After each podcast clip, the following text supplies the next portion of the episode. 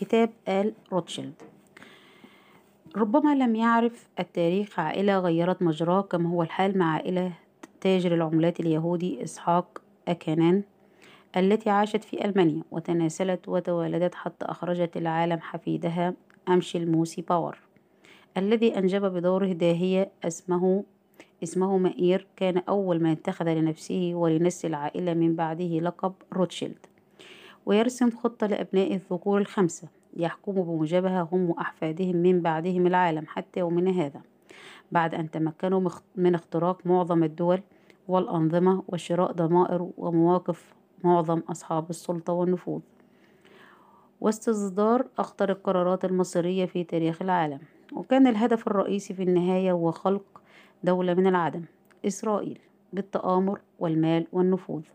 وتبدأ قصة هذه العائلة عندما قرر الصائغ اليهودي أمشيل موسى باور حامل أختامها بعد أن أنهكه التجوال في أراضي أوروبا الشرقية الاستقرار نهائيا في فرانكفورت بألمانيا عام 1750 حيث افتتح محلا للصرافة في منطقة جودينستراس سرعان ما تحول إلى مؤسسة كبرى وفوق باب دكانه وبيته كان يعلق درعا أحمر. يقرأ باللغة الألمانية روتشيلد. وعندما توفي الأب أمشيل موسى باور ترك ابنه مائير باور الذي كان قد دربه على كل ما يتعلق بأمور مهنة الصياغة والربا. وكان في نيته أن يدربه ليصبح حخاما ولكن الموت حال دون ذلك. ولكن فشله في تحقيق ذلك لم يمنعه من أن يورث الصغير مئير أفكاره وعقائده المتطرفة ويبث فيها روح التآمر والخديعة والخيانة. مبدأ الغاية تبرر الوسيلة وكل ذلك من أجل حلم غير مشروع بانتزاع فلسطين وتحويلها لوطن قومي لليهود. هذه هي السموم التي بثها أمشي الموسى باور في نفس وعقل الصغير مئير قبل أن يرحل عنه لكي يحقق في حياته فيما بعد ما لم يمنحه الوقت للأب لكي يحققه. بدأ الابن مئير حياته ككاتب في مصرف في أوبنهايمر ولم تمض فترة طويلة حتى أظهر عبقرية شيطانية في شؤون الصرافة والأنشطة الربوية مما أغرى أصحاب المصرف بتصعيده في السلم القيادي لإدارة المصرف قبل أن يقدموا له مكافأة أكبر بجعله شريكا في المصرف ولكن لماذا مئير؟ الإجابة ببساطة الإجابة ببساطة أن الشاب اليهودي تلميذ أبيه أمشيل موسى باور المرابي العبقري تفوق على أستاذه واستطاع مضاعفة أرباح المصرف بمجموعة خطط شيطانية حملت أنشطة ربوية غير مسبوقة. وقف أصحاب المصرف أمامها لا يدرون كيف تفتقت عنها عقلية هذا الشاب. وبعد أن أصبحت لدى مئير كل الأدوات اللازمة لمضاعفة رأس مال الأب الذي تركه بعد وفاته وتحويل مؤسسته الربوية في فرانكفورت إلى نواة إمبراطورية كبرى. تحمل اسم العائلة فيما بعد. قرر مئير التفرغ لهذا الهدف وتحويل الدرع الأحمر الذي كان لا يزال فوق الباب إلى رمز لأكبر إمبراطورية شر عرفها العالم. ولمعرفته بالدلالة السرية لهذا الدرع قرر أمشيل مئير باور أن يتخذه اسما جديدا لعائلته وهكذا انبثقت إلى الوجود عائلة روتشيلد. ويعتبر هذا اليهودي أمشيل مئير باور الذي عرف بعد فترة قليلة باسم مئير روتشيلد وعاش في الفترة ما بين 1743 إلى 1812 وزوجته اليهودية جوتا شنابير هما المؤسسان الحقيقيان لآل روتشيلد أشهر أباطرة المال والنفوذ وأخطر مهندسي المؤامرات الشيطانية على العالم في التاريخ. كان للشيطان مئير عشرة من الأبناء خمس إناث وخمس ذكور. استطاع أن ينقل إليهم ما تعلمه من أبيه وزاد عليه من عبقريته الشيطانية بالإضافة إلى وضعهم على طريق التطرف اليهودي المتوارث. تمكن من تدريبهم تدريبا عاليا ليصبحوا من أباطرة المال والذهب. وكان أقدر هؤلاء الأبناء نفان الذي أظهر مقدرة خارقة في شؤون المال حتى إنه أوفده إلى إنجلترا وفي عامه الواحد والعشرين بهدف السيطرة على مقدرات إنجلترا الإقتصادية. وقد تلقى ناثان روتشيلد لدى سفره مبلغ عشرون ألف جنيه استرليني فاستطاع إثبات مقدرته المالية بتحويلها إلى ستين ألف جنيه خلال فترة وجيزة للغاية. وبسبب كثرة الدويلات الألمانية واحتفاظ كل منها بعملتها المستقلة قد كان يتعين على المتنقلين بين هذه الولايات تغيير العملة عند السفر من ولاية لأخرى. وهنا كانت عبقرية مائير الذي جنى ثروة من عمليات تغيير النقود أو العملة. لا سيما وأن مائير كان قد تعلم في صباه معادلات النقود بين الدويلات فكان يتقاضى رسما صغيرا على كل تحويل ثم درس علم العملات هواية جانبية وجمع العملات النادرة وأرشد جماعا آخر هو الأمير فيلهلم الهاناوي وحصل منه على لقب وكيل التاج الذي ساعده في عمله بفرانكفورت وجعله يسيطر على عالم المال في ألمانيا. ومع اختراق مائير للقصر وحصوله على امتيازات كثيرة بلغ دخله السنوي عام 1790 ثلاثة آلاف جولدن. ونمت ثورة الأسرة نموا سريعا خلال حروب الثورة الفرنسية وشغل مائير بتموين الجيش وعهد إليه بإخفاء أموال الأمراء وأحيانا باستثمارها. واستطاع مائير بدهائه أن يوطد علاقته بفريدريك الثاني. وأصبح لأبنائه وبناته نفوذ كبير خاصة بعد زواجهم من عائلات وشخصيات لها قدر كبير من القوة والنفوذ. ووصلوا إلى مناصب ومراكز سياسية واقتصادية كبيرة. ولما حضرت الوفاة مائير روتشيلد عام 1812 وكان يقارب السبعين من عمره دعا جميع أبنائه إلى فرانكفورت وقال لهم تذكروا يا أبنائي إن الأرض جميعا ينبغي أن تكون لنا نحن اليهود. وأن غير اليهود حشرات يجب ألا يملكوا شيئا. وجعلهم يقسمون أمامه على أن على ألا ينفرد أحدهم بعمل دون الآخرين وأن يعملوا مترابطين مجتمعين. ويمكن القول أن الانطلاقة القوية لمائير روتشيلد في عالم المال كانت مع ومن خلال الأمير فريدريك الثاني. وقد كان الأمير فريدريك من أكثر رجال ذلك العصر ثراء وهذا الأخير كان بحاجة لرجل لا يعرف إلا لغة المال. ليستخدمه فوجد في روتشيلد ضالته كما وجد في روتشيلد مطيته التي سيركبها لتحقيق مخططاته ومؤامراته وإقامة الإمبراطورية التي يحلم بها لأبنائه الذين دربهم ليصبحوا جميعا جنودا يسعون لخدمة وتحقيق مؤامرة اليهود الشيطانية كما حكاها أبوهم وخطط لها. ولإلقاء الضوء على بعض تلك الأهداف لابد من الإشارة لاجتماع عقدة مائير روتشيلد في عام 1773 جمع له 12 شخصا من أغنى أغنياء اليهود كلهم ينتمون مثله إلى ما يعرف حتى يومنا هذا باسم جماعة النورانيين. بغاية إقناعهم بضرورة تكوين شراكة للسيطرة على ثروات الأمم الطبيعية والبشرية على السواء والحديث عن هذا الاجتماع الذي أشار إلى الأمريكي ويليام جاي كار رئيس اتحاد الجمهور المسيحي عام 1958 وقبل أن نتطرق لاجتماع مائير روتشيلد الذي سيؤسس لكل ما هو آت بالنسبة لمستقبل اليهود على الأرض وتحت إشراف وتخطيط وتنفيذ أبنائه يجدر بنا التوقف عند النورانيين. اليهود لنتعرف على كيفية ظهورهم كجماعة شيطانية.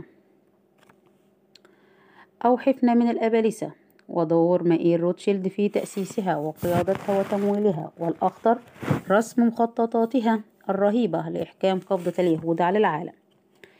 كان آدم وايز هوبت وايز هاوبت أستاذا يسوعيا للقانون في جامعة إنغولشتات ولكنه ارتد عن المسيحية ليعتنق المذهب الشيطاني في عام 1770 استأجره مائير لمراجعة وإعادة تنظيم البروتوكولات القديمة على أسس حديثة. والهدف من هذه البروتوكولات هو التمهيد لكنيس الشيطان للسيطرة على العالم. كي يفرض المذهب الشيطاني وأيديولوجيته على ما يتبقى من الجنس البشري بعد الكارثة الاجتماعية الشاملة التي يجري الإعداد لها بطرق شيطانية طاغية.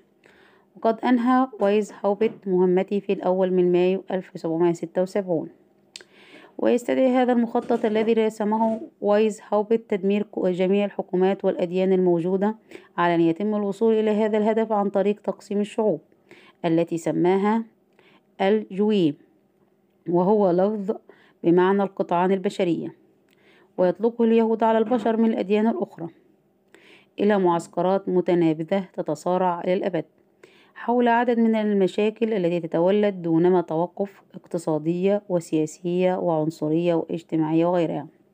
ويقتضي المخطط تسليح هذه المعسكرات بعد خلقها ثم يجري تدبير حادث في كل فترة لتنقض هذه المعسكرات على بعضها البعض. فتضعف نفسها محطمة الحكومات الوطنية والمؤسسات الدينية. وفي عام 1776 نظم وايز هاوبت جماعة النورانيين لوضع المؤامرة موضع التنفيذ. وكلمة النورانيين تعبير شيطاني يعني حملة النور. ولجأ وايز هاوبت إلى الكذب مدعيا أن هدفه الوصول إلى حكومة عالمية واحدة. تتكون من ذوي القدرات الفكرية الكبرى ممن يتم البرهان على تفوقهم العقلي واستطاع بذلك أن يضم إلى ما يقارب الألفين من الأتباع من بينهم أبرز المتفوقين في ميادين الفنون والآداب والعلوم والاقتصاد والصناعة. وأسس عندئذ محفل الشرق الأكبر ليكون مركز, مركز القيادة السري لرجال المخطط الجديد. وتقتضي خطة وايز هاوبت المنقحة من أتباع النورانيين اتباع التعليمات الآتية لتنفيذ أهدافهم. أولا استعمال الرشوة بالمال والجنس للوصول إلى السيطرة على الأشخاص الذين يشغلون المراكز الحساسة على مختلف المستويات في جميع الحكومات وفي مختلف المجالات النشاط الإنسان ويجب عندما يقع أحدهم في شراك النورانيين أن يستنزف بالعمل في سبيلهم. عن طريق الابتزاز السياسي أو التهديد بالخراب المالي أو يجعله ضحية لفضيحة عامة كبرى أو بالإيذاء الجسدي أو حتى بالموت هو ومن يحبهم. يجب على النورانيين الذين يعملون كأساتذة في الجامعات والمعاهد العلمية أن يولوا اهتمامهم إلى الطلاب المتفوقين عقليا والمنتمين إلى أسر محترمة ليولدوا فيهم الاتجاه نحو الأممية العالمية. كما يجري تدريبهم فيما بعد تدريبا خاصا على أصول المذهب العالمي بتخصيص منح دراسية لهم. ويتم تلقين هؤلاء الطلاب فكرة الأممية حتى تلقى القبول منهم وترسخ في أذهانهم فكرة أن تكوين حكومة عالمية واحدة في العالم كله هو الطريقة الوحيدة للخلاص من الحروب والكوارث المتوالية. ويتم إقناعهم بأن الأشخاص ذوي المواهب والملكات العقلية الخاصة لهم الحق في السيطرة على من هم أقل كفاءة وذكاء منهم لأن الجويم يجهلون ما هو صالح لهم جسديا وعقليا وروحيا. ويوجد في العالم اليوم ثلاث مدارس متخصصة بذلك. الأولى في بلدة غورد نيستون في اسكتلندا والثانية في بلدة سالم في ألمانيا والثالثة في بلدة أنافريتا في اليونان. وقد درس الأمير فيليب زوج ملكة إنجلترا إليزابيث الثانية في غوردنستون بتدبير من عمه اللورد لويس ماونت ماونتباتن الذي أصبح بعد الحرب العالمية الثانية القائد الأعلى للبحرية البريطانية.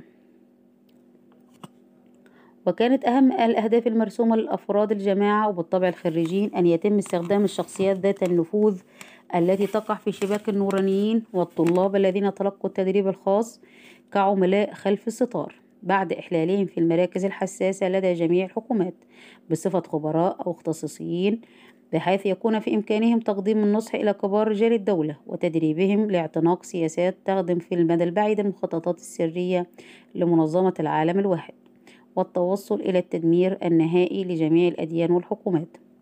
السيطرة على الصحافة وكل أجهزة الإعلام الأخرى ومن ثم تعرض الأخبار والمعلومات على الجيم بشكل يدفعهم إلى الاعتقاد بأن تكوين حكومة أممية واحدة هو الطريق الوحيد لحل مشاكل العالم المختلفة.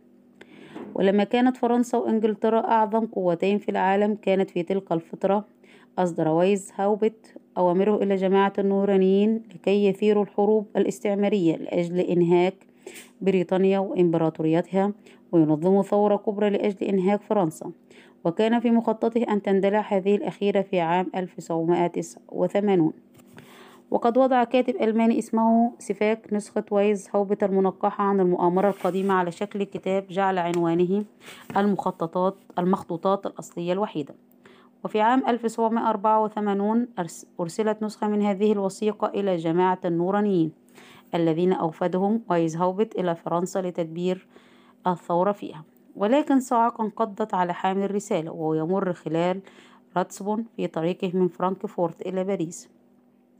فألقته صريعا الأرض مما أدى إلى العثور على الوثيقة التخريبية من قبل رجال الأمن لدى تفتيشهم الجثة.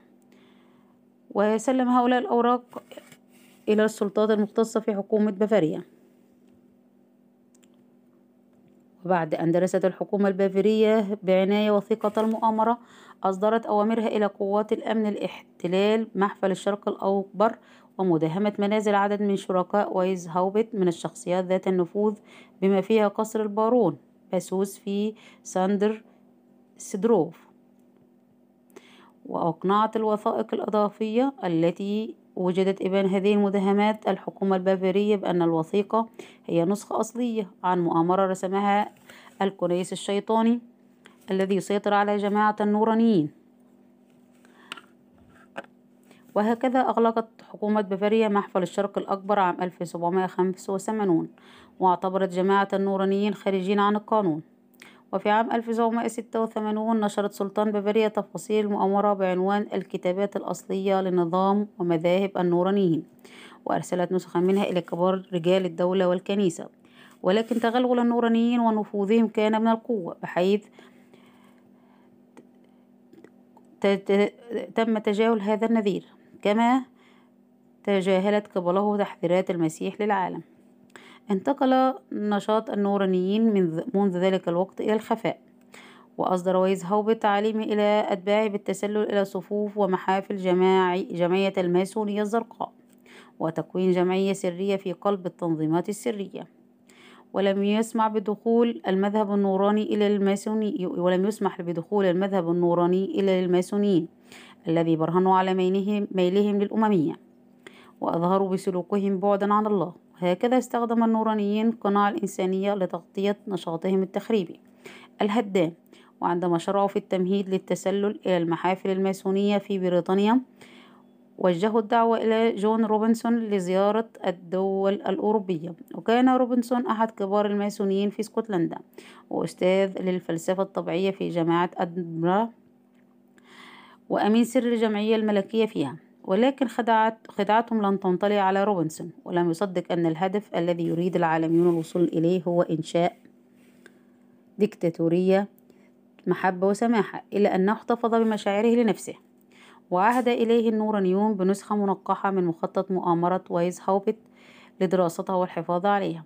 وفي عام 1789 تفجرت الثورة في فرنسا بسبب رضوخ رجال الدولة والكنيسة فيها للنصح الذي وجه إليهم بتجاهل التحذيرات التي تلقوها.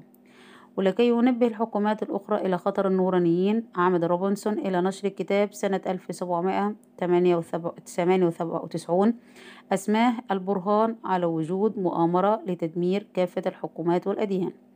ولكن هذا التحذير تم تجاهله أيضا كما حدث بالضبط مع التحذيرات التي سبقته.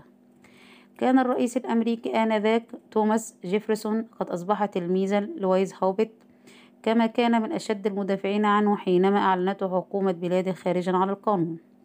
وعن طريق جيفرسون تم تغلغل النورانيين في المحافل الماسونية حديثة التشكيل آنذاك في نيو إنجلاند أو إنجلترا الجديدة أو أمريكا.